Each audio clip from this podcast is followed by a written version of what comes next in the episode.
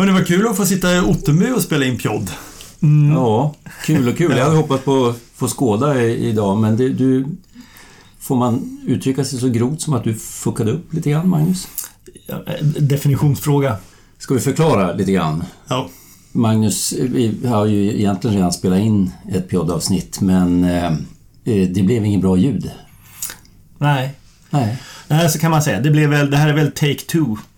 Det är take two, ja. Så vi, det här blir ett... ett eh, det andra försvinner ut i någon eh, arkiv. Det är inte lyssningsbart, men vi hoppas att det blir eh, bra även det här avsnittet.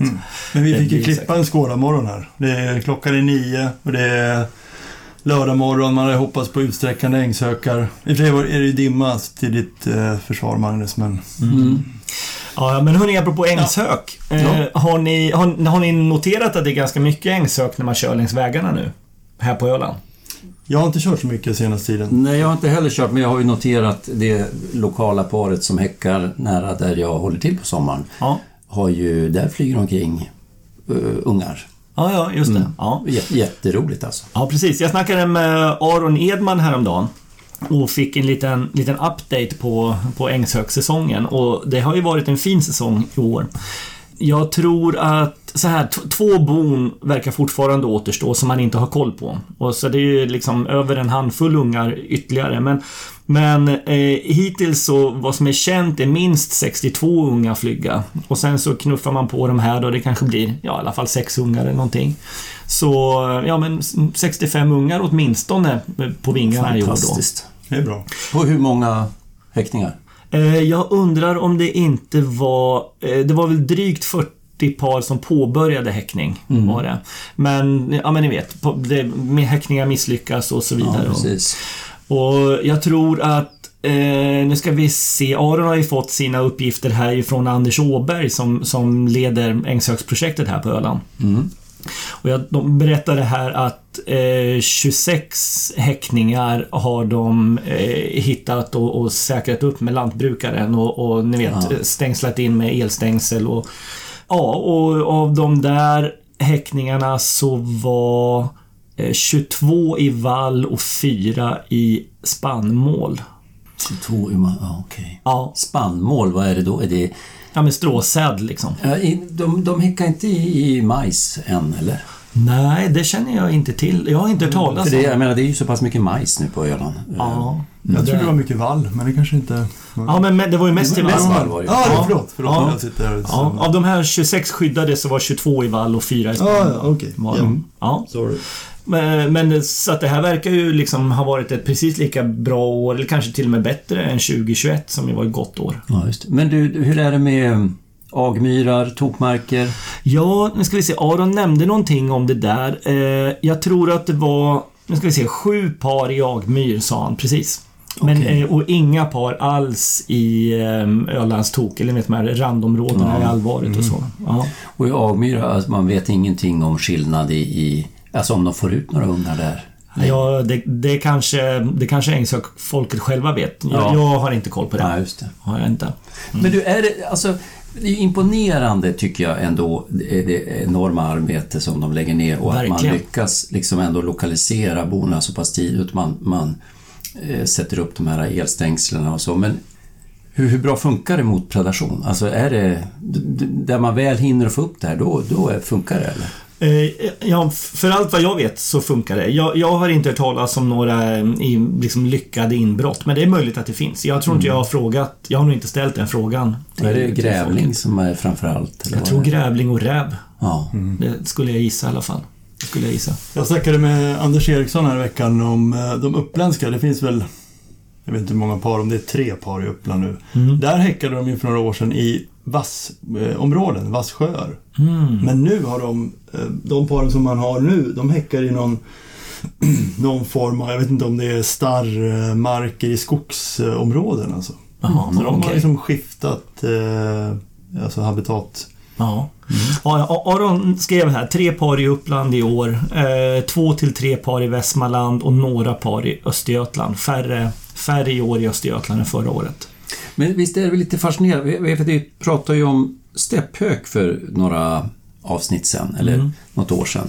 Och just att stäpphök är, är ju ja, dess expansion till Sverige, så där, eh, eller mot nordväst, att den är så den är så dynamisk och föränderlig och att, att den, den, den rör sig ganska mycket när den kommer tillbaka till de gamla häckområdena för att se var det är bäst födotillgång. Det var ju en gnagar, gnagarspecialist. Ja, precis. Även fast en del lyssnare har ifrågasatt det, men jag åter berättar egentligen bara vad som stod i en artikel som vi redogjort för där. Men det jag reflekterar över är att även Ängsök, det, alltså vad dynamiskt det är. På så kort tid ändra alltså häktningsstrategi på... Det är ju ganska olika marker. Det går går ju så fort allting. Verkligen. Det här skiftet från, eh, från så att säga de naturliga habitaten till åkermarkerna, till den odlade marken. Ja. Det tror jag gick på ja, men två år eller något sånt där. Ja. De, de måste ju på något vis influera varandra, eller vad fasen är det som händer? Det är ju, det är ju rätt... Det är liksom ändå ingen supersocial... Men är, de håller ju inte till i flock, så att säga. Nej. Ändå så måste de ju ändå förmedla det. Någonting händer. Det är fascinerande. Ja. Ja, ja. Så är det i alla fall. Mm. Hur har sommaren i övrigt varit för er? Eh, jag har inte skådat så mycket. Eh, men de kvällar jag har varit ute och kollat streck, då har det ju... Det har slagit mig att det har varit mycket tärna och kärrsnäppa tycker jag. Mycket tärnor och kärrsnäppa har varit Just det.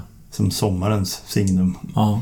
Det är, nog, det är nog precis så man skulle summera sommarfångsten här på Ottenby också. Det har varit ett väldigt gott tärnår och vadafångsten är ju all time high.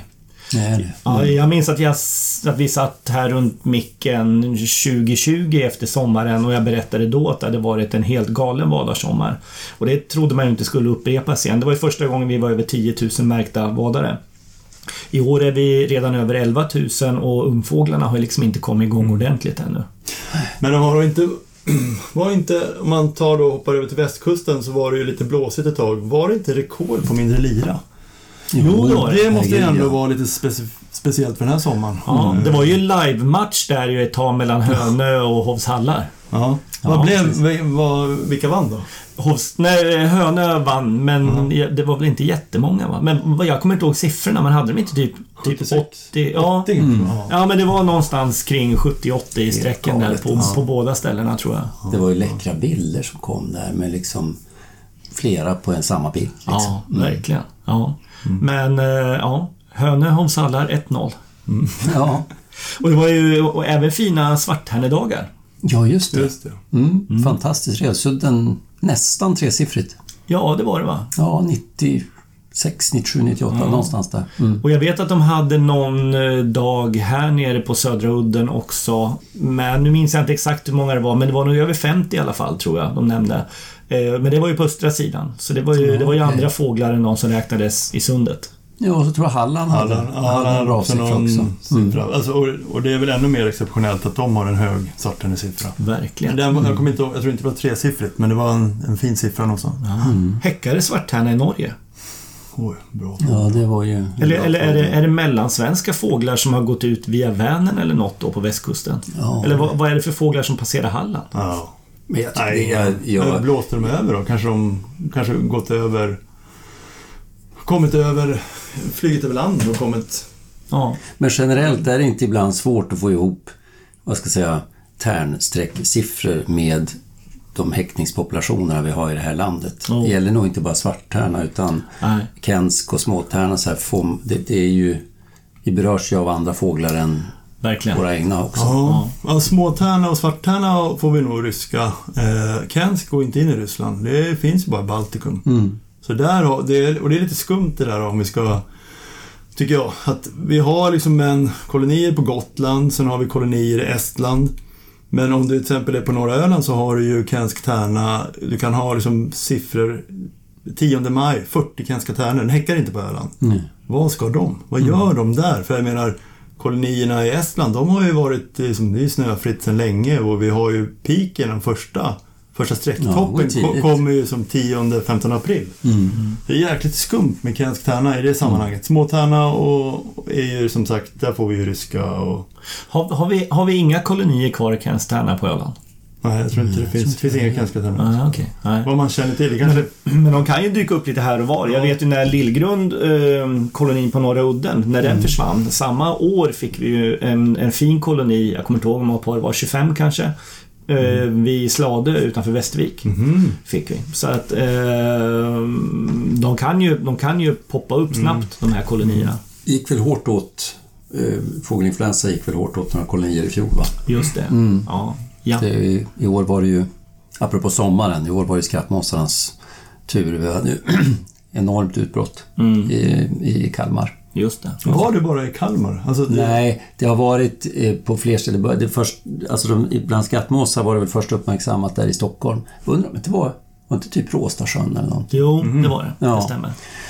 Och sen hade vi precis vid Kalmar slott där är en fin koloni som vi har haft lite som studiekoloni i andra sammanhang men eh, ja, man, alltså Kalmar kommun eh, samlade ju in över tusen döda skrattmåsar.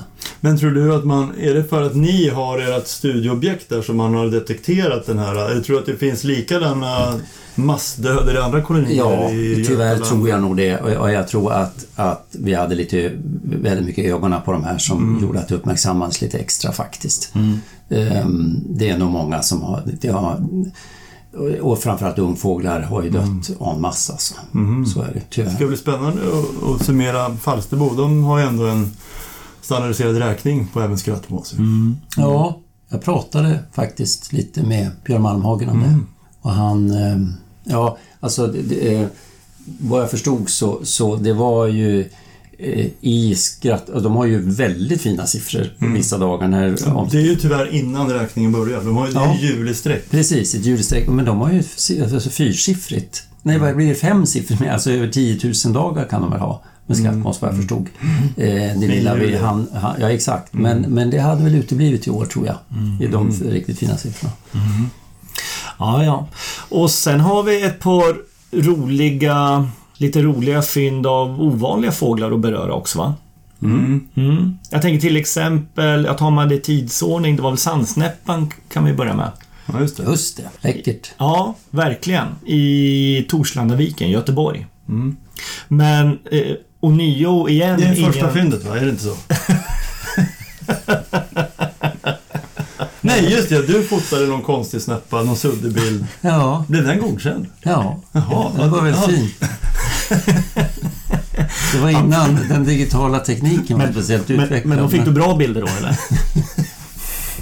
Ja, ni är som vanligt jättesnälla här, men... Eh, Nej, förlåt. nej, men det var kul. Var det... Var det Det var, inga super, det var bra bilder, men det var inga superbilder på den här på västkusten. Nej, precis. Ja, men det... Eh, Ni, Christer... ni, ni sitter här och liksom validerar fynden på hur, hur bra bilder man har fått.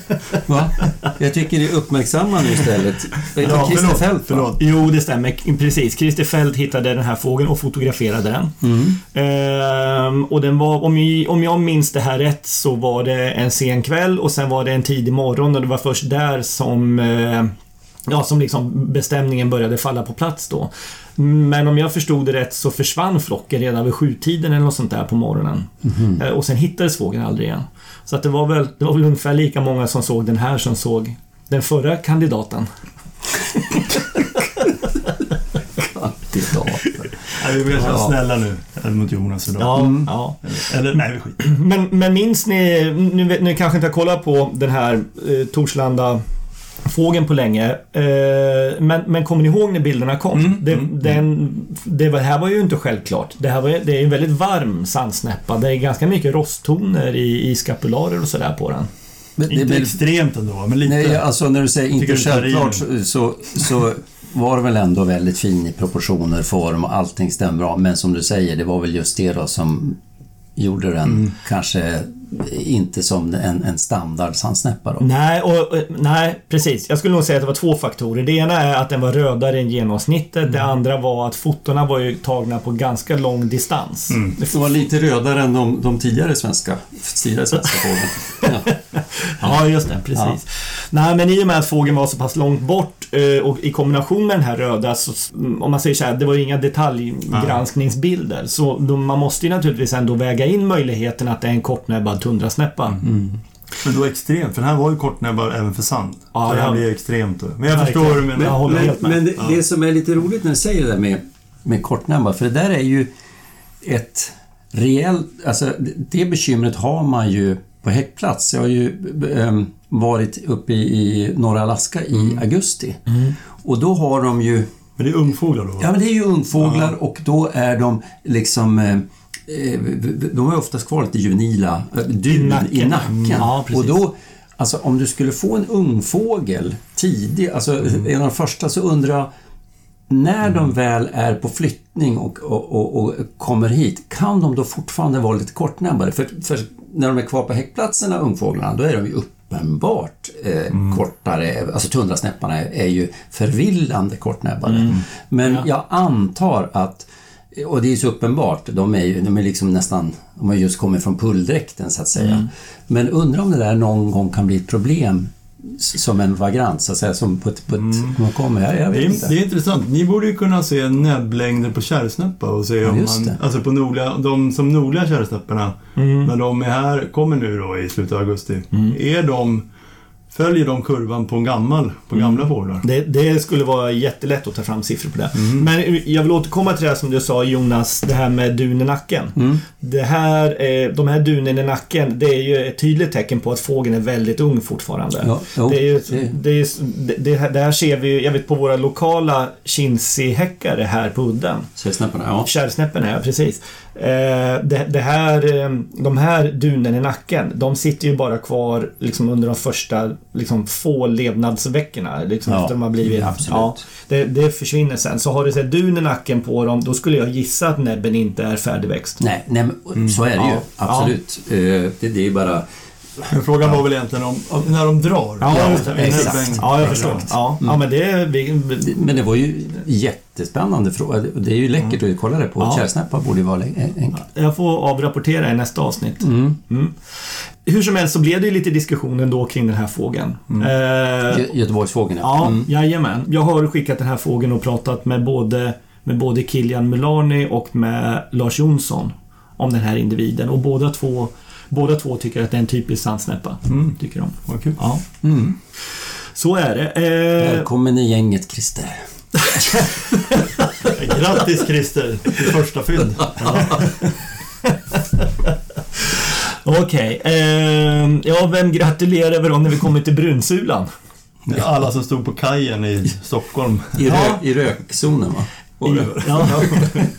Årets naturupplevelse. Ja. Jag det var lite kul. Jag har inte tänkt med den här storyn med brunsulan. Kan inte någon dra den? Jag, vad hände? Eh, Jag, jag vet ju bara vad jag har förstått av, av larmen och sociala medier. Och, och eh, Det var väl helt enkelt en brunsula som hittades på ett kustbevakningsfartyg söder om Helsingfors någonstans, va, i Först. Finska viken. Första dagen i augusti va? Var det inte så? Ja, något sånt där va. Och, och eh, s- strax därefter verkar samma fågel ha dykt upp på eh, Silja Line. Vad heter båten? Silja Serenad. ja, jag tror det. Ja, just det. Eh, så att någonstans, det måste ju, det måste ju ha, det måste ha bytt båt. Och eh, ja, men det stod väl ändå ganska snabbt klart från fotografierna att den mådde ju inte jättebra. En yngre fågel var det va? Ja, precis. Absolut. Och ja, nej, men och den, eh, om jag förstod rätt så fanns det ju skådarbarn på båten eh, som lyckades leta reda på den här. Alltså barn till aktiva fågelskådare. Eh, som hittade den här på sjunde däck eller vad det var och sen punktmarkerade den tills den kom in i hamn i, i Stockholm. Mm. Så, så tror jag att det gick till. Och sen så fångades den ju in och eh, skickades ju på rehab och det verkar ju inte ha gått jättebra. Nej. Nej. Ja. Och, och, det, det hade någon krok i magen och utmärglad, va? Ja, något sånt. För allt vad jag vet i alla fall. Ja. Ja. Precis. Det, var väl någon som, någon som stod eh, placerade när Silja Serenad anlöpte hamnen och såg den från eh, fast mark, så att säga. Sen de som då Just stod det. Efter att man fångat in den också. Mm. Och de, de stod väl i rökzonen, såg jag, i, i ankomsthallen. Ja. Men det var, jag tror även det var någon som, jag hörde någon i alla fall stått på något berg där innan. Jo, det var det jag menar. Ja, Sett den från en... en Exakt. Å, ja. det var det, det, precis. Det var ju de som gjorde det, ja. Mm. Kommer det här bli någon slags, kommer det här bli någon slags diskussion eller? När, när, om man såg den innan den Jag kan plockades inte, in jag vet eller inte. inte? Kommer man få kryssa den här? Ja, ja, ja eller? Jag kan inte hur de där Jo, men det, kan man, det ska man väl. Den var, väl, den var ju inte matad på båten. Den var ju ship assisted, men den var ju inte... Ja, så länge den inte är medvetet, så Ja. länge den inte är medvetet matad eller att man har gjort någonting för att behålla fågeln så att säga på båten. Så för allt vad jag vet så... så, Ja, okej. Så, så, det såg inte ut att vara det sådär jättemysigt på båten heller kan man säga. nej, Nej. nej, nej. Men det var andra fyllet väl? Det var ju en ute på Skagerrak va? För, förra året. Mm, Ja. Som fotades på någon reling där på någon Ja, Fiskebåt. det var, ja. Mm. Ja, Aktiv fiskare som var ute ja. Mm. Eh, det är lite intressant med... Nej, jag håller på det för mig själv en stund. Jag återkommer gällande några andra havsfågel-iakttagelser. Ja, Mm. suger på karamellen. Jajamän, just Ja. det. Ja, och sen... eh, Ja, det är väl sommaren. Sen ska vi ju runda av sommaren med Falsterbo Bird Show. Första dagarna, eller det är egentligen höst. Vi går in en... Det är ju första september börjar väl Falsterbo Bird Show. Eh, Vi ska väl dit. Jag har hört att vi ska... Pjodden ska eh, ha ett litet anförande på scen. Eller en Precis. intervju med... Ja, så är det nog. Vi har fått en, en, en timeslot. Jag tror att det var 13.00 va? På lördagen. På lördag. Ja, så har vi blivit uppbjudna av Björn på Ja. scenen. Mm. Eh, Vad är det för dresscode då? Vad ska man ha på sig? Ja, just det. Ja. Precis. Eller ska man ha skådarkläder då? Det kodordet Cordovan-läder. Ja, ja okej. ja. ja, men det blir kul. Det blir jätteroligt.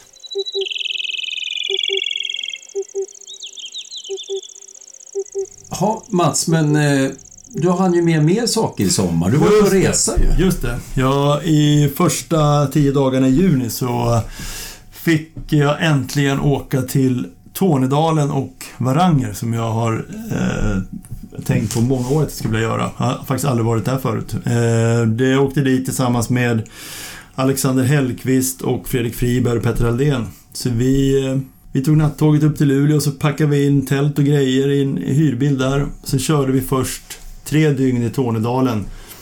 Vi, vi hade lite syfte att leta reda på eh, ja, men fina skogar där inte, där inte så många hade varit, eller förhoppningsvis inga. Lite kul och Dels ville vi ju såklart hitta en egen blåstjärt. Det vill ju alla åka upp och göra. Dels, det var Ja. det ni ville. Ja, det, ja, det, ja, Jag, men, jag hörde något viska som Operation Tarsiger. Ja, nej, ädel, jo. ädeltarsier. Ja, det, var, det hade vi hoppats på.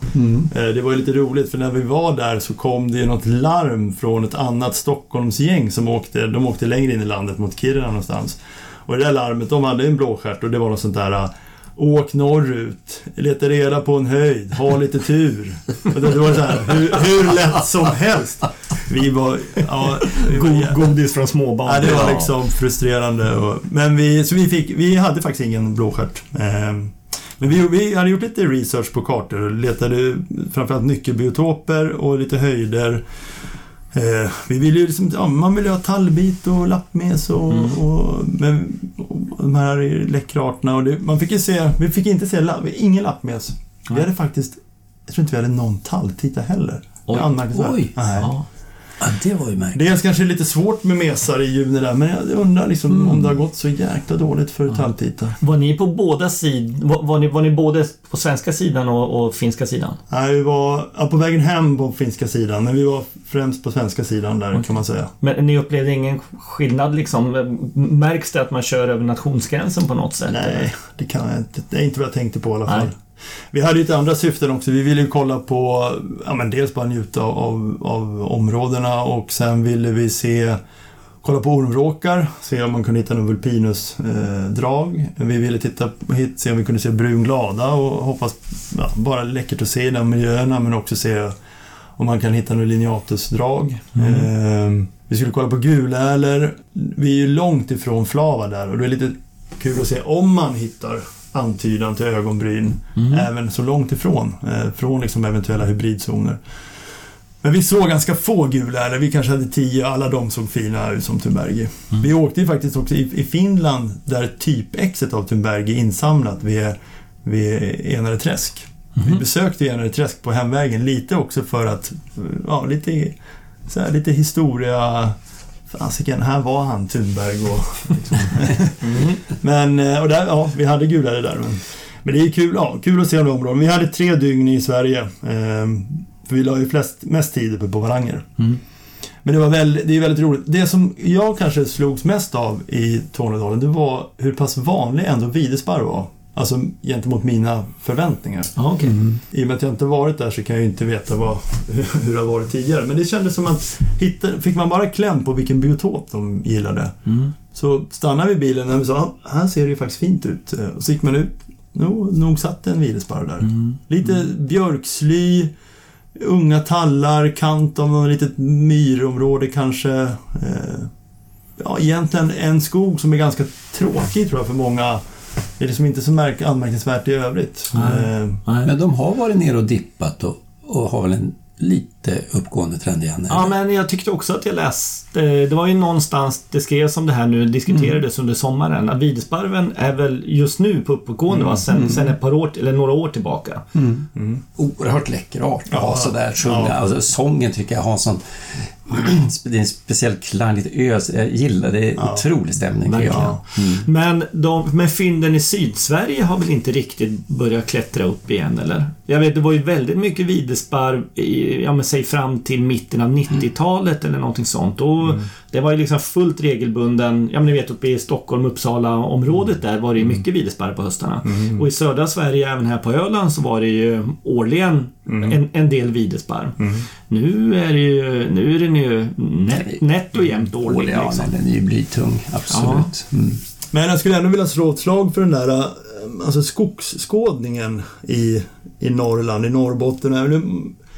Som sagt, Norrbotten var ju premiär för min del, men det är, säkert det är lika fint på skogsområden i Västerbotten och i Lappland och så vidare. Men, eh, och så myrmarkerna där man har liksom spelande myrsnäppa och, och, och så vidare. Det, är, ja, det blir lätt, i alla fall jag tidigare har man har siktat upp mot Kalfjället direkt och där har man lagt tiden och så har man swishat hem. Mm. Men den där skogsskådningen är ju häftig. eh, Och myrskådningen. Verkligen. Jag håller Ja. verkligen med dig Mats, men- och, och jag saknar ibland det där som tidigare eh, västerbottning.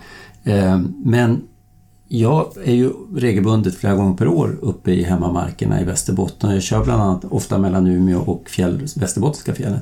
Men det jag slås över, och jag har ju också haft den här tanken på att stanna i, om man är där i juni, att lyssna efter blåstjärt och sådär. Men det är ju så förtvivlat få fina områden så om man inte aktivt söker upp de här små, tyvärr ganska, inte speciellt många bevarade uh, mer primärskogsområden alltså. Nej, visst, så är det ju. Det är, Men är det- mycket hugget. Det är det. det är Men jag får ändå för mig att det är lite mer gott om de områdena i Norrbotten, eller stämmer det?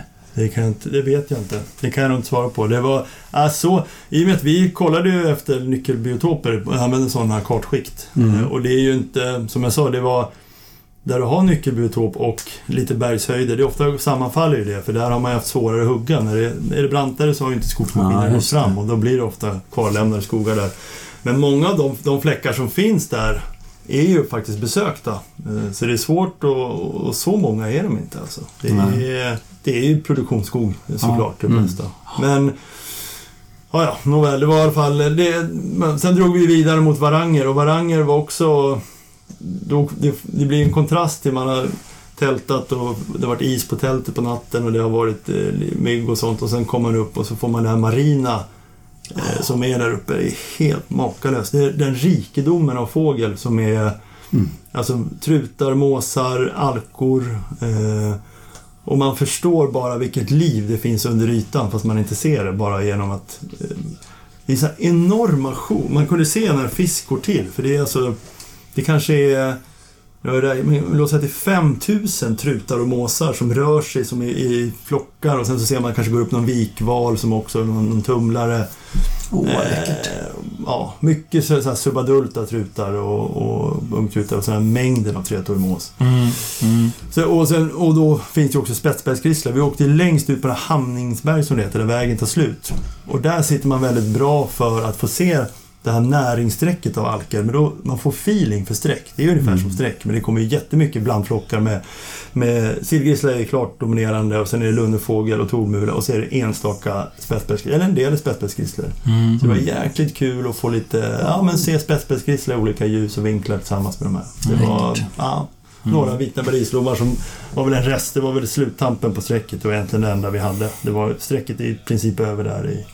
Ja, vad sa du? du Tionde juni, vi, kanske, vi, kanske var, vi kanske var tionde juni uppe på Varanger. Ja, just det. Precis. Och framåt ja. där. ja, läckert. Men det kan jag också verkligen rekommendera. Eh, jag har varit på Slättnäs tidigare och räknat, eller kollat streck i maj. Eh, Ja. Det är lite annorlunda, men det är, du har ju... Alltså du står där och har det marina livet och går du bara, vänder du bara på liksom klacken så har du ju ett al, så här, fjällalpina arter som, som fjällabbar och lappsparv och bärlärka och du har ju fjällarterna bakom ryggen. Mm, just Så du kan ju få en, du kan ju få en mångfald på så sätt också. Ja, precis. Ja, ja, fan vad kul. Ja, vad roligt. verkligen. Men, och ni, ä, även på Varanger tältade ni eller? Nej, där tog vi faktiskt in på ett Airbnb där vid Hamningberg. Jaha. Som var, Mm. Hamningberg är kanske 20 kåkar bara. Ja. Eh, Så att eh, det gick bra. Det var jätte, jättetrevligt Airbnb. Kalas. Ja. Mm. Blir det en repris? ja, kanske det. Ja, man, det man, man vill ju se nytt också. Men mm. alltså framförallt Nordnorge kommer man ju återvända till. Sen kanske Ja. man testar något annat ställe. Lofoten har jag kört också en gång och det är ju också fantastiskt. Det är, Mm.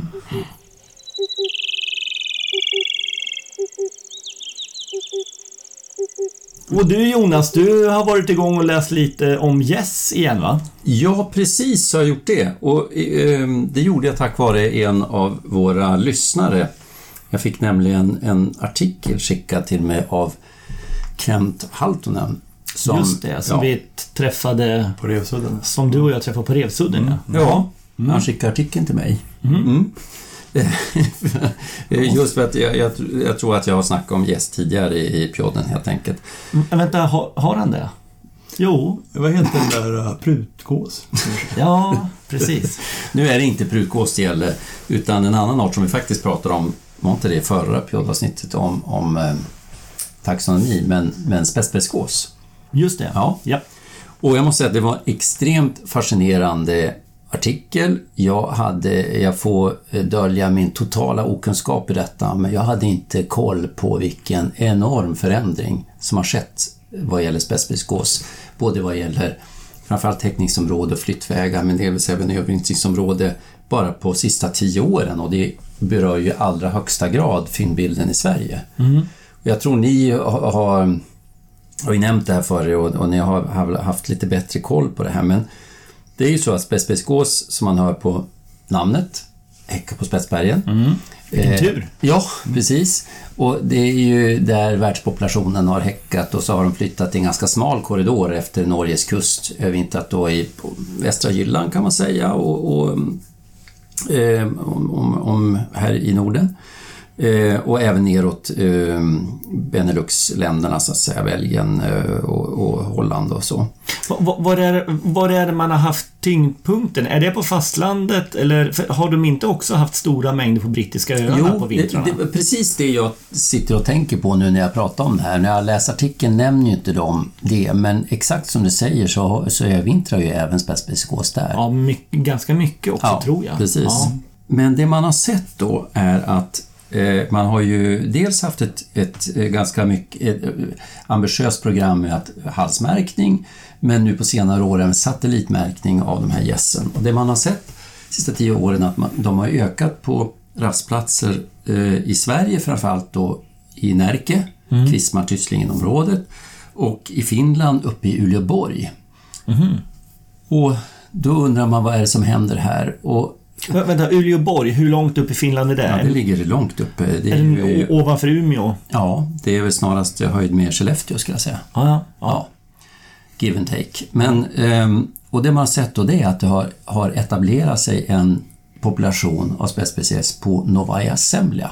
Mm. Severny Island, alltså norra Novaya Zemlja, det är alltså den här ön i arktiska, uppe i, ishavet. Och hur långt öster om Spetsbergen är vi då? Då är vi 100 mil 100 öster mil ungefär. Ja. Ja. Det är inte så lite öster om, det är rätt ordentligt eh, Ja.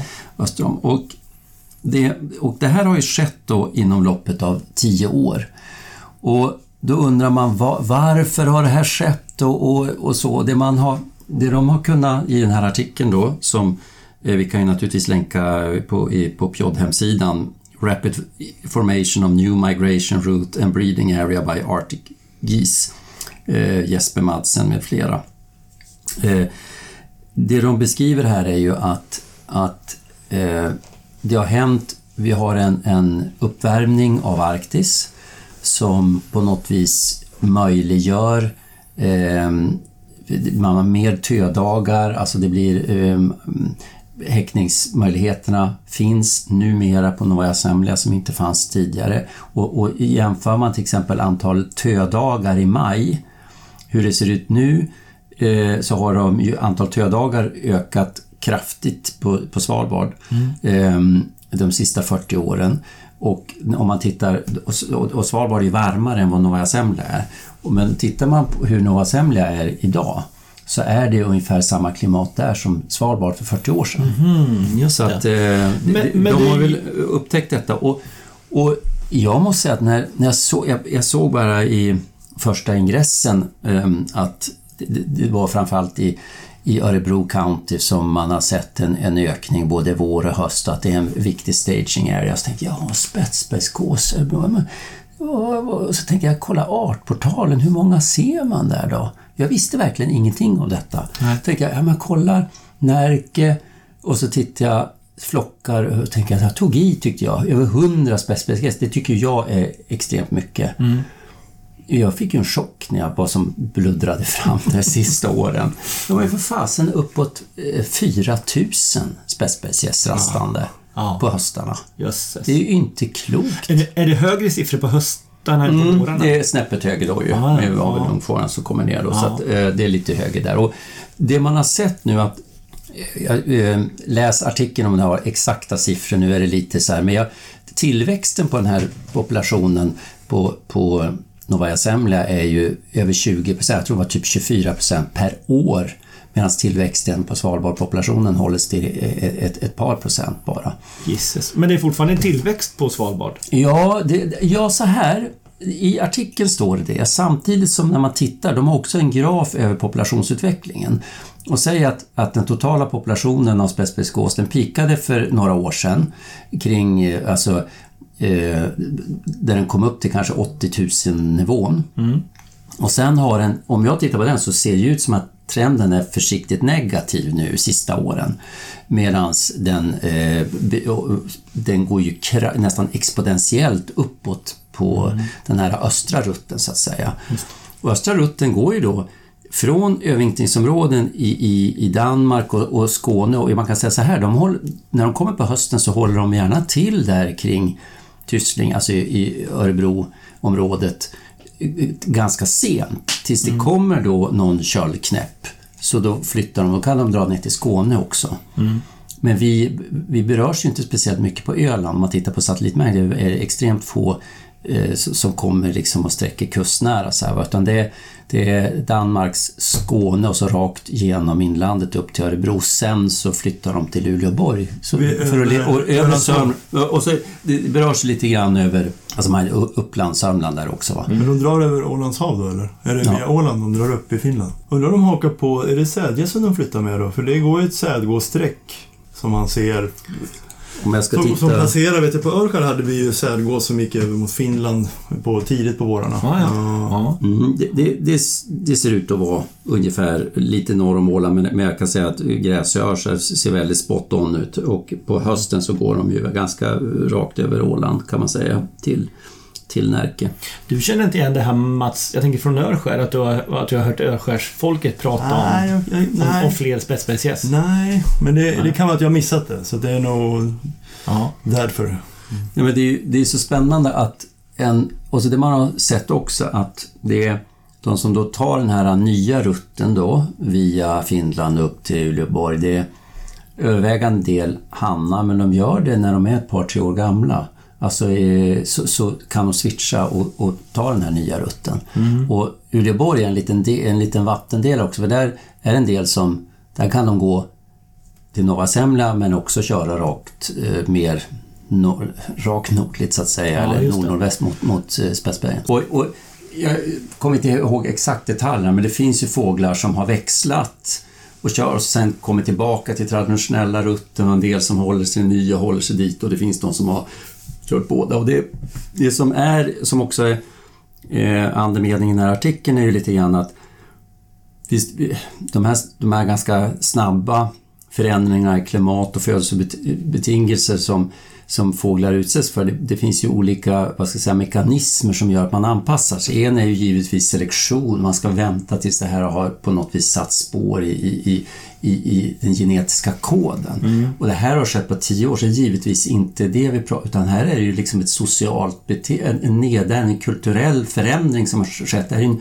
som överintar i flock, de lär sig av varandra och, och, och, hur man flyttar och tar efter varandra så att säga. Ja, men det, är an, alltså det är anmärkningsvärt hur jäkla fort alltså, ja, men på några år. Det måste exakt, ju vara exceptionellt. Det, det, jag tycker det här var otroligt fascinerande ja. att läsa om och jag rekommenderar verkligen alla att, att läsa artikeln. Ja, är det inte också lite, är det inte lite hoppingivande på något sätt? Alltså att fåglarna är så pass an, anpassningsbara liksom i en, i en, en, en knasig tidsera ja, som vi befinner oss i nu. Absolut. Ja.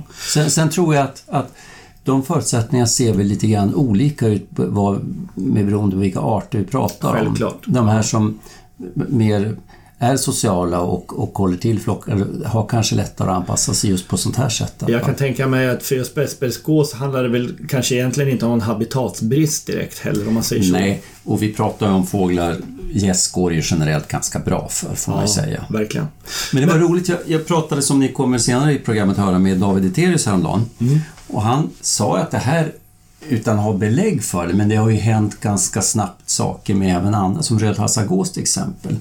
Han besökte ju Bulgarien för några år, eller det var väl ett antal år sedan, och, och tittade på de här fina flockarna med övervintrande rödhalsad Men där hade han haft nyligen kontakt och det är inte alls lika mycket mm. rödhalsad gäss mm. i Bulgarien längre. Däremot så tittar man på fyndbilden i Västeuropa så ser den ut att gå uppåt alltså. Mm. Ah, ja, okay. Som kan väl exemplifieras med den här helt makalösa flocken som Bill Andersson fotade i Kalmarsund här. Och det var väl i höstas va? Ja, det kan nog vara. Mm. Precis. Kommer inte ihåg hur många det var, det var en hel flock. Ja. 13 kanske? Ja. Men, men sådana här jätteflockar av rödhalsade gäss som, man, som ju tidigare stod i Bulgarien. Mm. Eh, har, man, har man sett så stora flockar längre västerut i Europa också? Fråga mig inte. Jag, jag, vet inte och det här var bara något som vi berörde briefly. Men jag, det är bara... återkomma om det. Ja, det borde ju finnas det lite data på. Liten ja. spaning, det är väl något att gräva i. Just det. En annan sak som eh, du sa här ju att Novaja Semlja är kallare än eh, vad Svalbard är. Mm. Tittar man på kartan så ligger ju Novaja Semlja ändå ganska mycket längre söderut. Är det, är det Golfströmmen som, som värmer upp Svalbard? Eh, rimligen. Det måste ju vara så. Svalbard är ju, för att ligga så extremt långt norrut, ja. så, så är det ju, är ju överraskande milt. Just. Om man jämfört med alltså kanadensiska Arktis och, och, så, det går inte att jämföra. Nej. Mm. Får vi se vad som händer med Golfströmmen nu då. Mm. Ja, mm. precis. Hm. Ja, vad kul. Ja.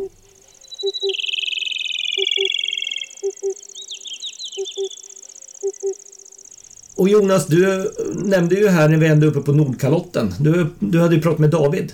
Precis. Ehm, jag pratade med David angående tundratrut. Kul. David Eterius pratar vi om och han tillhör ju, vi är ju tacksamma att ha verkliga trutexperter i det här landet. Mm. Ehm, jag tror inte någon av oss eh, kallar sig en sån överhuvudtaget. Men David är ju definitivt en av dem. Och eh, egentligen började det här förra våren tror jag det var. Eller var det, ja, det, det, var i alla fall i slutet på april. Jag vet att David hade en och så vet jag att Bengt Bengtsson hade en tundratrut, eller alltså vi pratar om silltrut och mm. Hoiglini-formen av silltrut. Och det var lite grann, man har alltid velat se en sån där och, och det har ju under många, många år nu varit en ganska intensiv debatt som jag har följt den lite på avstånd men det känns som att vågorna har kommit och gått lite grann. Vad behövs för att verkligen sätta ner foten för att kunna bestämma eh, och, och föra in tundratrut på svenska listan om jag säger så. För mm. Eh, vi har ju haft ett gammalt fynd som ströks, det var ju ett jättegammalt fynd som inte höll måttet alls. Nej, det här från, eh, från Hälsingland ja, eller vad det var för precis, länge sedan. Precis. Ja. Sen är det ju extra spännande då Taxonomikommittén i Sverige har ju då som en av få kan man väl säga brutit ut den som en egen art nu så att mm. det är ju en tundratrut som har artstatus i Sverige. Och det är ju intressant hur vi ska se, för vi vet ju att det har setts ganska många kandidater. Mm. Och eh, David kommer berätta mer om det, men de, han sitter ju med i en grupp som, som tittar på detta och, och ska försöka sålla fram eh, de bästa kandidaterna för att på något vis föras in, om det, om det går att göra det på, på svenska listan. Och så att jag ringde honom och så samtalade vi om, om tundratrut eh, helt enkelt. Och kanske bara, jag nämnde ju att det, det är en silltrut vi pratar om. Och eh, man pratar ju ofta om de här västliga silltrutsformerna då, grälsi, Demedius, de är också ljusmantlade till skillnad från Östersjösilltrut och Larus fuscus fuscus som är svart på ryggen. Och då ett tundratrut får ju gå lite längre. Det är, som ni hör på namnet, det här är en tundrahäckande fågel uppe på den arktiska tundran från Vita havet och en liten bit österut ungefär fram till Tamirhalvön. Ja, just det. Så i norra delarna av europeiska Ryssland och lite till egentligen kan man säga va? Precis. Ja. ja. Just det. Och är det bara på tundran? Alltså den häckar den inte också i inlandet längs med floderna och så? Alltså söder om tundran? Jag blir osäker. Ja, jag vet faktiskt inte. Jag mig att ja, jag, jag, du har ju den där, sen går du ännu längre söderut i, från tundratrutets häckningsområde, då kommer du till slut ner till, kan man väl säga, Sö södra västra Svea och då blir det barabensis. Ja, det. det. är någon slags stepptrut där nästan då. då. Ja, just det. Ehm, och går du österut, alltså på arktiska eh, kustremsan, där tunna remsan, så når man ju till slut Vegatrut som vi ju pratade om här för några avsnitt sedan när vi intervjuade eh, Alexander Hellqvist. Och, och de möts ju kring Taimyr då, Vega och eh, tundratrut. Och där är ju en, som man också debatterat, men en form som man väl nu, vad jag förstår, de flesta anser vara en, en hybridpopulation som tidigare har gått under namnet Taimerensis. Ja. Ehm, så. Ja. så där någonstans, och Vegatrut hör, hör ju då till det här östliga komplexet av, av gråtrutar och vegatrut var ju faktiskt den, den, den nordamerikanska Kanadatrut, alltså den mm. nordamerikanska gråtruten den härrör ju faktiskt snarast från, från Vegatrut. Alltså det, Nordamerika koloniserades från Beringssundsområdet och sen, sen eh, tog man eh, liksom koloniserade hela Nordamerika. Så att de är ju närmare släkt. Alltså kanaltrut och vegatrut är närmare släkt än vad kanaltrut är med, med vår ja, gråtrut till exempel. Ja, ja. Mm.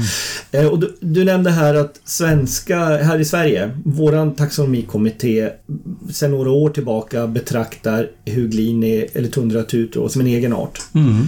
Och visst är det så att vi är hyfsat ensamma om det fortfarande. Jag tror att de stora världslistorna tror jag inte eh, erkänner Tundraut som egen art. Du har väl rätt där ja. Ja, för mig det. Möjligen, eller kanske troligen, eh, så gör väl holländarna det. Jag tänkte det, säga det, ska de då ja. ja. ja. Men jag törs inte säga det här eh, till säkerhet, men jag tror du...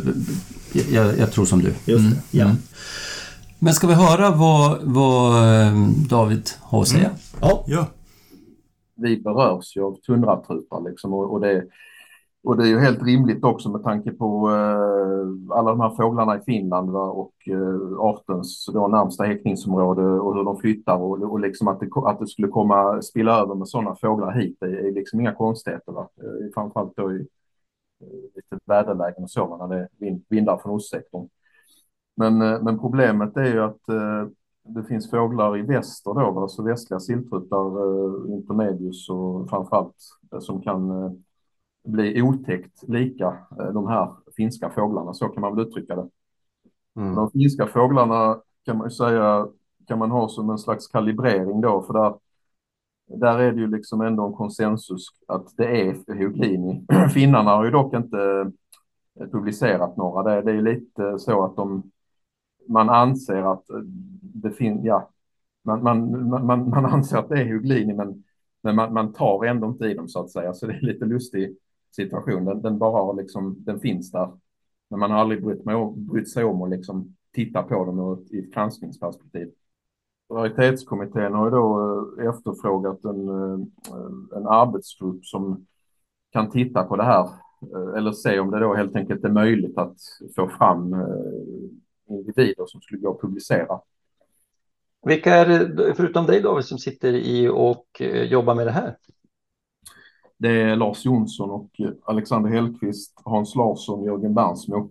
Mm. Och då har vi gjort ett dataset, eh, eller vi har då gjort, vi har tagit allt som finns i artportalen som är rapporterat som tundratrut, eh, även då fåglar med frågetecken, men, men ett krav har då varit att det ska finnas, det ska vara styrkt med foto. Har vi lagt in och sen då har vi gått igenom ett antal personer i Sverige, även några utländska experter faktiskt har tittat på detta. Och då kan man säga att vi har från eh, 2004 till 2022, eh, här är inga fåglar från i år inlagda än så länge, så har vi, hade vi då från början 62 eh, individer och där har då 36 blivit kvar av dessa 62. Så 36 kommer då gå vidare. Man anser att de är så pass intressanta att det, att det är värt att gå vidare med dem. Och, eh, då, eh, och utifrån detta då så kan man ju säga att sydöstra delen av landet är ju, eh, ja, Öland, Gotland och Skåne utmärker sig. Sen finns det fynd från ja, Stockholmsområdet, både Sörmland och Uppland, några fynd och även längs med Norrlandskusten också, i alla fall södra mellersta Norrland. Ja, och även faktiskt Norrbotten också ska sägas finns det några intressanta individer. Mm. Hur, vilken, eh, eh, utan att du har, har sammanställt det så, så får du någon direkt uppfattning fördelningen vår och höstfynd? Ja, alltså det är ju då, då, då kommer man in på den här frågan om, om hur man ska angripa detta ur publiceringsperspektiv och då, då kan man ju säga att där vi är nu, alltså kunskapsmässigt, så, så känns det som att eh, 2K-fåglar på våren Eh, är de mest eh, eh, tacksamma. Och, då handlar det om fåglar, tvåkåfåglar som har anlänt, som är liksom någorlunda nyanlända och inte har hunnit sätta igång med sin huggning. För då, det är ju så att de flyger från, de, de ruggar på, på vintern nere på Arabiska halvön då till exempel, och, där, och sen så sticker de och sen så kommer de då hit i en, i en liksom helt fräsch dräkt där, där det inte pågår, det händer någonting. Va? Och sen så kommer ju ruggningen sätta igång successivt, precis som, som hos andra trutar. Så när man väl har passerat den första sommaren, alltså fågelns andra kalenderår, så, så blir det ju genast ännu mer komplicerat, för då vet man inte riktigt vad som har hänt, men då, då blir liksom variationen ännu större. Mm.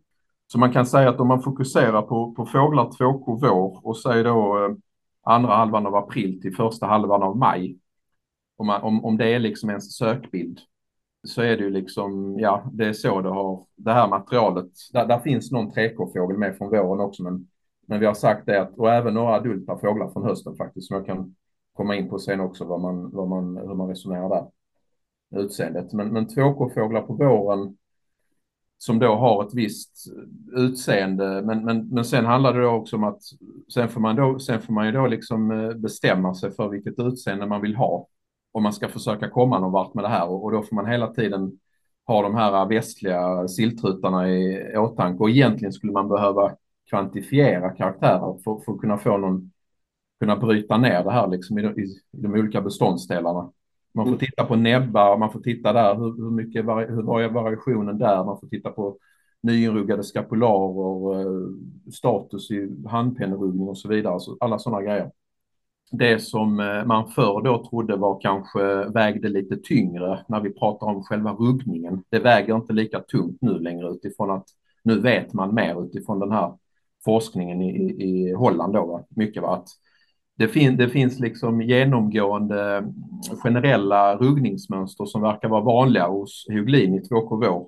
Men, men det går aldrig liksom att utesluta en västlig siltrut då, va? Med, med ett undantag då, vad ska jag säga, så det är att Eh, hittills så har man aldrig hittat en, en 2K västlig siltrut som har helt och hållet bytt handpennorna postjuvenilt. Så det betyder att ser man då en, en tundratrutskandidat där man, där man kan eh, säkerställa att alla handpennorna är bytta, då blir det ju genast mer intressant. Och hur stor del av tundratrutarna skulle du tippa har, är så pass avancerade att de har till och med bytt alla handpennor? Ja, det är ju det som är lite tråkigt då i det hela kan man säga, för det, det anges ju då till, till cirka 10 procent i Adrians Western Palearctic Gulls. Så det, det, är ju inte då särskilt sannolikt att man stöter på en sån fågel, men, men chansen finns där. Va? Mm. Eh, och då gäller det ju såklart att, som alltid, va, så gäller det ju att försöka ta så bra bilder man bara kan. Va? Ser man en fågel som som sitter så får man antingen ha tålamod och vänta tills den flyger eller får man eh, hoppas på att den, eh, ja, beroende på situationen är att man får försöka få, få flyktbilder eller bilder på utbredd vinge i alla fall så att man mm. kan göra det här. Men om vi håller oss kvar vid 2K vår och så, och så ser vi en intressant eh, trut eh, som, som vi tänker kan vara ett undratrut. Men, men som du säger, och den, den kanske har bytt stjärt, den kanske har bytt eh, eh, armpenna. Det i sin tur, det i sig utesluter inte Västercity, men det finns ju andra saker att titta på. Och vad, vad, vad, vad, tycker du, är det ändå som skulle kunna leda in på att det här ändå är en tundratrut? om man tittar på de här finska fåglarna så är det, är det ofta slående hur eh, de, de är, väldigt, de är ändå ganska distinkta. Va? De, de, ser liksom snygga ut om man ska beskriva det så. De har en väl avsatt eh, teckningen är liksom eh, mer eh, sparsam, mer koncentrerad till flanker, eh, distinkt nacksträckning. Det kan vara eh, en mörk skuggning runt ögat som går bak lite som en eyeliner. Va? skarpare teckningar liksom i, i själva dräkten. Vingarna kan vara, beroende, på vilken typ det är, va, kan vara en helt komplett, alltså en ruggning som har pågått i en sekvens, alltså där den har bytt alla ryggfjädrar och skapularer och sen vidare ner på vingtäckar och tertialer, va? så att allt är liksom utbytt i en sekvens så att det blir, det blir liksom en homogent utseende på de här fjädrarna gissmässigt då, gärna långbent. Hannarna då är ju ofta mest distinkta gissmässigt. ser man ju på foton från eh, Oman och där nere där på Arabiska halvön. Ofta lite kakinans alltså kaspisk strutgiss. Mm. Eh, en näbb som ofta är påfallande lik eh, första vinter vittrut, alltså en ljus näbb som är liksom som doppad i svart. Mm. Det, detta är liksom, och, och ljusa vingundersidor, gärna liksom övervägande vitaktiga, lite också som påminner om kaspisk trut. Mm. Allt detta i kombination då, om man då tar som ett exempel, en, en sån fågel skulle ju dra till sig uppmärksamheten hos någon som är van vid att titta, titta på trut, trutar. Mm. Kanske då också en skärt som är helt bytt, va? en skärt som är, man kan konstatera är andra generation. Och så är armpennorna utbytta andra generation, handpennorna är juvenila, va? så den har en skarp gräns där mellan hand och arm. Mm och med ving, vingtäckare, då, vingtäckare då som ofta korresponderar med pennorna så att alla armtäckare är bytta och så kanske då, ja, det går liksom en skarp gräns där. Det, typ så har, finns det ju en, en del fåglar som, som eh, man direkt reagerar på liksom som insatt trutskådare. Eh, det är en ganska läcker fågel det här som ger lite, det är lite rarighetskänsla nästan man ser en del bilder på de här. Det, det, det, är någonting, det är någonting annat med de här, åtminstone som du säger med hannar med näbben och, och, och gissen och, och den här nackboa-teckningen och allting. De är ju rätt läckra de här. Och det säger ju finnarna själva också, flera av de här mest aktiva trutskådarna i Finland, att det Jublins gall, det, det, är liksom en snygg fågel. Mm. Ja, kul. Så. Men om vi, om vi går vidare då, David, du, vi nämnde ju också, nu är vi på våren och vi pratat fågelfåglar. Eh, vi, kan, vi har ju liksom dragit förbi hösten och, och årsunga, alltså 1K-fåglar, men det, det är väl, eh, det är klart att de säkert på snitt skiljer sig giss och så här, men det är väl för att bestämma, det är väl nästan bara att glömma va? Eh, ja, det kan man nog säga i nuläget att det är, det är 1K-fåglar känns ju ganska avlägset som det där vi är just nu, alltså kunskapsmässigt. Mm. Eh, tyvärr, alltså där, där, där, finns det nog mer att gräva i liksom helt enkelt, även om vi har ju ett bra referensmaterial. Det finns ju massor med fina foton från Oman till exempel på vintrarna med, där man vet då det är Heoglini och Barabensis som står på stränderna. Men eh, ja, det känns ändå, det känns svårt just nu. Ja, ja, jag förstår det. Däremot då gamla fåglar ju, finns det ju med några heta kandidater i det här datasättet som vi har nu. Ja, men precis. Och du, du, du var ju... Det är väl samma sak där, va? Att det är en ruggning som sker senare på, eller alltså gamla fåglar sker den på vinterkvarteren. Jo, precis. Där har de ju mer, eh, återigen då, mer påminnande om fuskus eftersom de, alltså nominatformen då, eller Östersjötrut. I och med att de båda är långflyttare eller flyttar riktigt långt ner va, så är de, har de ju då ofta att de de eh, sätter igång med ruggningen på allvar när de kommer ner till övervintringsplatsen. Så en, en, en tundratrut kan vara i stort sett helt i sommardräkt fram tills det att den kommer ner till stranden i Oman.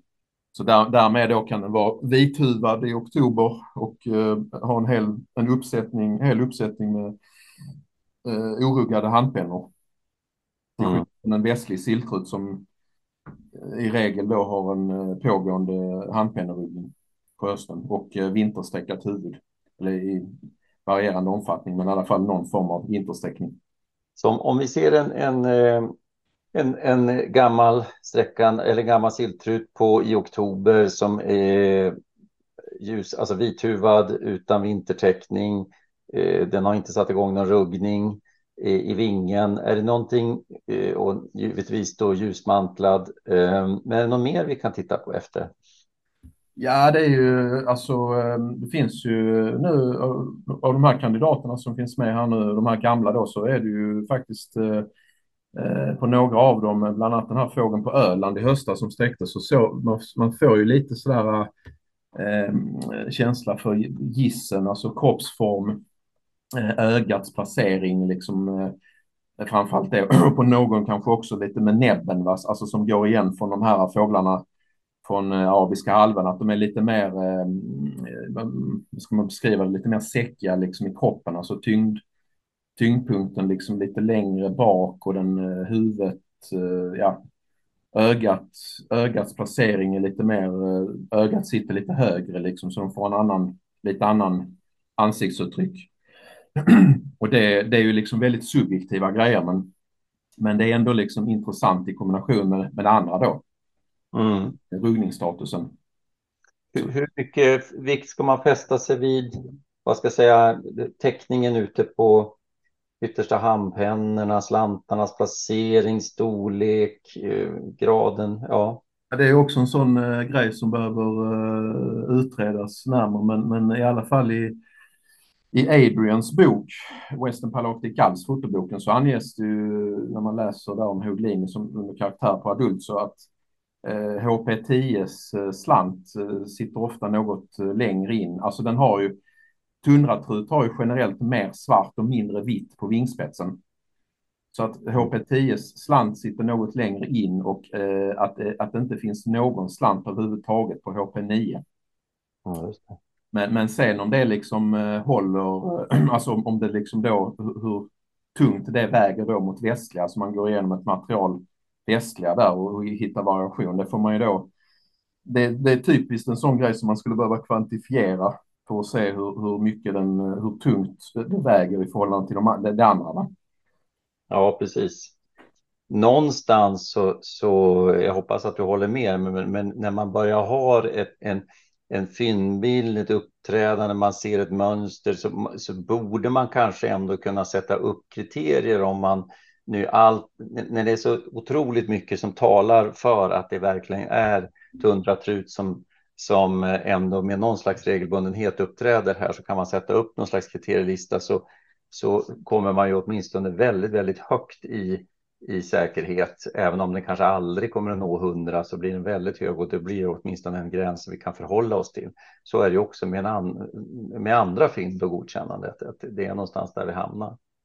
Ja, det, det, är ju naturligt också att, att det är Sverige som tar tag i detta eftersom vi, vi, vi är ju liksom en slags smältdegel kan man säga. Vi, vårt geografiska läge mellan Finland och eh, Holland och Nordvästeuropa. Det, det har egentligen aldrig tittats så här liksom objektivt på detta, utan finnarna eh, finner sig så att säga att de har de här utan att liksom eh, alltså låta sig besväras av möjligt inslag av västliga. Och holländarna har liksom ingen Eh, de kan liksom inte eh, publicera en fågel som är omärkt, även om den ser väldigt mycket ut som en hygglini, för då kan det potentiellt vara en, en västlig fågel så att säga. Mm. Eh, och eh, ja, men jag menar det är ju som sagt fullt rimligt att det kommer tunnartutar till oss. För det vill jag väl ändå säga också David, jag hoppas du håller med mig, men, men trots att, att jag själv ju nästan uteslutande skådar i Östersjön och på Öland så är det ju så att eh, trots att jag inte har sett någon tundratrutskandidat så ser man ju ofta västliga silltrutar, ljusmantlade silltrutar. De är ändå väldigt mycket vanligare i Östersjön än vad tundratrutar är. Det måste jag ändå, är väl min uppfattning i alla fall. Precis. Jo, där ska ju sägas också i det sammanhanget att man vet ju nu av eh, utifrån all den här märkdatan så vet man att eh, det har hittills aldrig, så vitt jag känner till nu den info jag har fått från Finland, så har det aldrig eh, hittills aldrig lästs av en eh, 2K-fågel på våren i Finland med en ring från Västeuropa. Nej. Utan de ringarna som finns från Finland är fåglar som är äldre då, va? alltså typ kanske 3K uppåt. Ja, just det. Men hittills aldrig en 2K och, och eh, likaså de här eh, satellitföljningarna som, som har dykt upp nu på senare år så har det, har det ju då varit fåglar som har flugit från Minsk till exempel i, Belarus och, västerut, alltså västliga fåglar som går ända in där. Men de har liksom aldrig, hittills har de inte gått mer nordost va. Så utifrån det kan man ju bara, det kan ju då kanske göra också att man kan anta att det är väldigt, alltså sannolikheten, om man skulle se en fågel som ser väldigt misstänkt bra ut för en tundratrut, eh, så kan man ju då eh, väga in det också, att sannolikheten att en 2K västlig med ett sånt tundratrutslikt utseende eh, kanske då minskar med, utifrån det här. Och, och om det då dessutom görs i ett väderläge med ihållande nordostvindar och ostvindar Mm. på senare år har, har vi faktiskt kunnat förutsäga nu i Simrishamn här om året till exempel så kom det ett sånt väderläge med något högtryck och sådana ihållande vindar och då, och då, och då, och då har det dykt upp fåglar med ett Huglini-utseende. Ja, spännande. Så det visar ju också att man kan faktiskt kan, kan träffa det liksom om man har, koll på det. Så man kanske kan säga något i stil med att eh, ornitologer vid ihållande nordostan spanande och efter tundratrut. ja, ja, precis. Ja, därför man, man får fila lite på twisten där, men eh, det är, det är en eh, Rosenbergsk tolkning av det hela. Fan vad roligt. Ja, visst är det? Väldigt kul. Vet du vad som är så roligt också? Nej. Att du vet efter den här äh, samtalet, du, du som vi sa va, i ledningen, vi befinner oss på Södra Udden, Öland. Och Just det nu. är just nu, det är lördag morgon. Du har ju varit lite upptagen med styrelsemöte annars, Magnus. Mm. Och medan du var inne, då hade jag och Mats en kandidat. Nej. Tundratuskandidat. Ja, men faktum, jag hade en, en eh, Mats hittade en eh, 2K eh, ljusmantlad silltrut. Ja. Nu, ska jag, nu får jag dra min version. Mm. Ja, men den var lite spännande, men det är lite roligt för det är dimma och det är lite så här sunkigt ljus och, så, och Jonas... Det brukar bara vara positivt. Ja, Jonas har ju nu pratat med David, läst lite, är väldigt inspirerad och säger ja, här kommer en 2K silltrut. Han har inte ens tittat på den. Hur blir det? Okej, så nu är det inte längre, nu är det inte 36 fynd i landet, nu är det Nej, 37. exakt Det är det jag skulle komma till. Mm. Och sen, ja, och sen var, det- gick det kanske en halvtimme och så sa jag, men här kommer en gammal eh, silltrut också. "Ja, vad fan, får se, det måste vara hygglig nu. Vi har liksom, det är, så, så, Så tre- 38 alltså? Ja, 38. Det- Ja. Men också, det, det, är lite roligt rent statistiskt. Vi har, vi har skitdålig trutmorgon. Vi kanske har 20 trutar. Men Jonas har ju tryckt in två nya Men du, har ni, har ni aldrig hört, har ni aldrig läst Bill Oddys How to brighten up a dull day? det är ett avsnitt i Bill Oddys Little Blackbird Book. Ja. Och vi ska säga, det var ju dimma hela jävla morgonen. Det var ju helt fruktansvärt. Och så det första fåglar vi ser när det börjar klarna, det är faktiskt två silltrut, varpå Ja. t- tvåfågeln faktiskt var spännande. Men, men, men ni hade en 2K ljusmantlad silltrut i alla fall ja, under morgonen? absolut. Ja. Och som hade eh, och den, den hade dessutom ruggat eh, innersta handpennorna så de, de var av eh, Ja, ja. eh, också ljusa, eh, ljusgråa så att det var lite spännande. Nu blir jag ju, jag blir ju avis här nu. Eh, Jag måste säga att jag blir Men det lite... var väl kul med styrelsemöte? Tack så Ja, jätteroligt. Ja, jag håller med dig. Jag blir väldigt inspirerad. Ja, men jag blir peppad Mm. av Davids, Davids. Davids. ja. Jag skulle vilja se en sån här nu. Mm, absolut. Jaha. Ja, ja. Ja, jätteroligt. Det, ehm, så det, det är tundratrut, det är det som gäller nu i år. Ja, Mm. Mm. Och kanske framförallt i april, maj då? Väl? eh, precis. Nu, när du säger nu i år, det år, då tror jag vi ska, som, som Dag var inne på, koncentrera på gamla fåglar Ja, i oktober. Mm. Eh, redan 2K-fåglar så här års blir mer komplicerat, men, men eh, där tidigare på våren så. Nästa vår, 2K, i höst, gammal.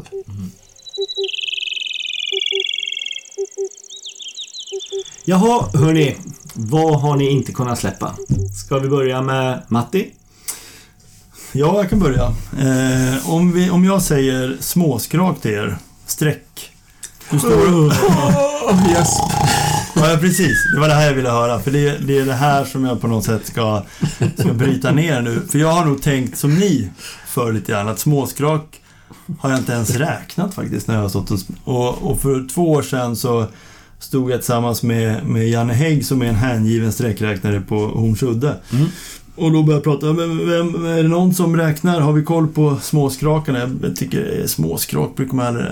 Och då tittade Janne på mig ungefär som att jag var liksom Ja, med ett stort frågetecken som jag var helt dum i huvudet. Han hade ju björnkoll, han räknade. Han, liksom, det var, han, han gjorde ingen liksom, skillnad på småskrak eller bergand. Liksom. Det, de räknar man och, det är, och, och jag funderar på det där. Det är, varför är det så där egentligen? Eh, och sen hade jag en liknande diskussion med Alexander Hellqvist som eh, när han kom hem från en, en resa på Taimyr. Och han berättade alltså, alltså små skrak är ju ganska häftig faktiskt. Alltså, det är, fan, den häckar ju i tundran. Det är liksom, det är en cool... Liksom, han hade liksom fått upp ögonen för småskrak. Mm. Så nu har jag börjat räkna småskrak. Eh, men... eh, Tänk när de kommer sådär, så här, eh, framåt eh, halv tio, tio, soldaller, slutet på maj, hannarna redan är klipps. Det ser ut som du har tuttat eld på dem lite grann och så här sönderbränt brunt i huvudet. Det är, är det fint? Nej, men, men det är ändå inte, jag tycker det- fenomenet är intressant för, i och med att ni båda reagerar och jag tror många reagerar så, att småskrak är, att vi, vi har vissa arter som vi liksom, äh, det är bara småskrak. Men det som också är intressant tycker jag, det är att, att fundera på det i höst, eller jag kanske inte har tänkt på det så mycket på höstarna, men det är aldrig stora flockar av småskrak. Nej. Alltså man det kommer 7, 12, Alltså har man över 20, då har man en stor flock med småskrak. Alltså nu pratar vi streck, inte de här Nej, sommaransamlingarna. Liksom. Mm. Eh, Så att min, eh, jag ville slå ett slag för småskrak här. Fast det, det jag, blir, jag håller faktiskt med, det blir lite inspirerande att höra att, eh, att det kan faktiskt vara så att de som sträcker förbi i april på Öland och ska till tundran, det är lite coolt. Mm, ja. Ja, Vi får ge dem en chans. Ja. en nyvunnen kärlek. Ja. Ja. Jonas? Jo, men jag har en sak. Eh, under sommaren här, när jag har gått på eh, promenader över Sandby skjutfält på eh, sydöstra Öland, där det frekvent födosöker ängshök. De häckar inte där, men, men ängshökshannar brukar patrullera där. Så har jag noterat flera gånger under sommaren att varje gång ängshök är där och jagar så följer, för det är två par lärkfalk i närheten, så följer en lärkfalk alltid med och liksom flyger lite efter och står vid sidan om. Den är liksom lite snabbare och agilare än ängshöken som liksom matar på där med sina långsamma vingslag och skrämmer ju då upp liksom gräshoppor och det är väl små insekter och, och, och vad det nu är, små flyn. Och, och lärkfalken är där och nappar dem där. Det är så jävla Ja, coolt. Ja, och det är liksom, för det första är det två extremt vackra arter, men och så ser man den där faktiskt liksom flyger lite framför, sätts på en sten och så kommer den dansande ängshöken och så bara tjong, så hinner den ta någonting som, som det är otroligt häftigt. Det har jag att- aldrig tänkt på. Men undrar om det är en enskild individ som har utvecklat det här beteendet. Eller om det, det kanske man skulle börja fundera på. Det var precis det min fråga. Så att jag, för det första så undrar jag, det här finns eh, mer biologiskt skolade kan nog säga vad det här beteendet heter när man, eh, vad ska jag säga, samarbetar. Ja, vad heter det? Kom, kom, kommentialism, är det det det kallas? Ja, När den ena parten drar nytta av den andra. Utan, kanske att, är. utan att den andra förlorar på det. Liksom. Ja, ja, jag, det jag backar. Det där var pinsamt. Eh, Men du är väl biolog? Mats? Ja, jag vet. Ja. Men i alla fall, det, det, eh, jag tror säkert någon lyssnare och eh, kan detta och inte minst skulle kunna kolla, vi har inte gjort någon seriös sökning och se om det här är beskrivet i litteraturen. Det här har varit kul tycker jag. För det har varit, Men- det är hela tiden återkommande. Jag ser dem ju bara senast här i, i början på veckan. Fantastiskt läcker artkombo ifrån, ifrån tomten också. liksom. Extremt, Ja. extremt eh, fint måste man säga. Mm. Ja, vad kul. Eh, jag nämnde i samband med brunsulan här att jag skulle återkomma lite grann till havsfågelrörelser. Har ni noterat under sommaren här vilka enorma siffror de har haft ifrån eh, de brittiska öarna? Verkligen. Helt De- Jag har sanslöst. missat det här. Då. Ja, men både, och det är både från landbacken och ute på de här pelagiska turerna som de gör utanför Siljöarna och så. Där, där de Ja men ni vet när de under en dag har haft eh, ja, men, ni vet, liksom femsiffrigt med gulnäbbade liror och, och, och, flera tusen eh, större liror och och jag, jag, tror att, jag, tror att det är, jag tror att det är hundratals till och med utav havslöpare och, och, och, och sen liksom insprängt naturligtvis med, med mindre talrika arter och så också. Ja, men haft de här petrellerna och alltså... Ja, och två mm. riktiga, eller tre riktiga superrarisar. De, där mm. har de också haft nu en brunsula sista dagarna. Okej. Okay. Mm. Ja, och sen för någon vecka sen den rödfotade sulan eh, ja. som svischade förbi först. Och så sen, ja, precis. Ja, jag, jag, såg också det och så var det så helt makalöst. Och, eh, för jag har ju läst det här på, på britterna kommunicerar ju mycket fågelnyheter via Twitter. Ja. Eh, och, ja, det är därför jag har missat det. Ja, och då, och då stod det just att, att nej, liksom en skådare kunde liksom inte förlåta sig att han, han missade den där när de såg den förbiflygande. Ja. Och så var de på väg ut då. Och så hon sa, nej men bäst att kolla liksom The Lighthouse på Bishop Rock, tror han heter, en liten stenbumling utanför där. Men man vet aldrig, den kan ju sitta där och så, och så åker de förbi där. Och så sitter rödfotad sulan på, uppe på, på fyren där. Det är fantastiskt ju. Ja, riktigt läckert. Var häckar de närmast, rödfotad sula? Oj, nu sätter du mig på pumpen här. Ja, jag tittar på Jonas. Ja, men det är väl en subtropisk art. Det finns väl... Karibien, kanske? Ja, det, det, säkert. Där någonstans. Ja, vi får... Ja. Nej, jag, jag, vet inte heller. Eh, och även en, eh, tydligen en, en schysst kandidat av en, en sydpolslabb också va? Ja, jag tror den var helt rätt i ruggningsförlopp för att kunna liksom få ja. ytterligare stöd för att det var det. Den var väl lite såg väl lite mastig ut och, och, stor ut för att vara typiskt Cyposlav men, men den det, det, det, verkar väldigt bra. Mm. De här mängderna med havsfågel, jag tänkte, för nu är vi ju ändå, vi är uppe mot brittiska öarna. Mm. Det borgar ju för fina veckor i Galicien framöver här. Ja men du... När de här vänder söderut Jag kan säga, jag såg bara här igår tror jag det var. Fina veckor framöver, de har ju redan fint där. Det var ju ja, makalösa siffror. Oj då. Ja, ja. så att det, det, det, har nog redan, festen har börjat där. Ja, jag förstår. Eh, men jag läste också vad britterna tror att det här uppträdandet beror på. Har ni, har ni, har ni sett det? Nej. Nej. Eh, ja, det väl egentligen en ganska sorglig bakgrund, men intressant i alla fall. Ni, ni vet ju att det har varit ett varmt år globalt. Mm. Och världshaven är ju ganska mycket varmare än vad de brukar vara. Tydligen har det här pressat upp jätterörelser med blåfenad tonfisk Eh, längre, längre, ja vad blir det nu då, nord, nordost än, än vad de brukar hålla till så att säga. Och de, det är tydligen, ja, som jag förstod det rätt så var det väl miljoner liksom med, med blåfinnad tonfisk. Alltså det var jättemycket var det. Oj. Och eh, när de här stora, stora stimmen jagar så trycker de ju upp mindre fisk upp mot ytan. Mm. Gör de. Och på något sätt så, så, så följer tydligen havsfågel, de här stora havsfågelrörelserna följer de här, mm. ja, den här liksom födoresursen som då skapas utav tonfiskflockarna eller tonfiskstimmen. Så det, det, det trodde de var orsaken till eh, den här liksom superförekomsten då. Mm. Mm. Oj, nej alltså... Um, ja, det är som du säger, det, det säkert en tråkig mekanism varför det rör sig enormt men sen behöver det kanske inte nödvändigtvis vara, vara negativt om de hittar nya födosöksområden så att säga. Men det hade ju, oj vad hade velat se de här tonfiskstimmen också mm, som nu ja. även finns i, på, i svenska vatten. Ja, så att säga. precis. Ja. De verkar ju hoppa rätt frekvent också som man kan se. Mm. Ja, är det år igen?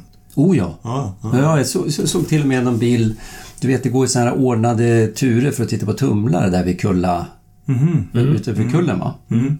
Eh, då, det var någon som hade fotat, det hade ju eh, hoppat en tonfisk eh, mm -hmm. när de var ute på en sån där tumlarsafari. Mm -hmm. Kul, mm. roligt. Hörni, nu eh, ska jag gå ut och hitta en huglini. Ja. Lycka till! Ha det gott!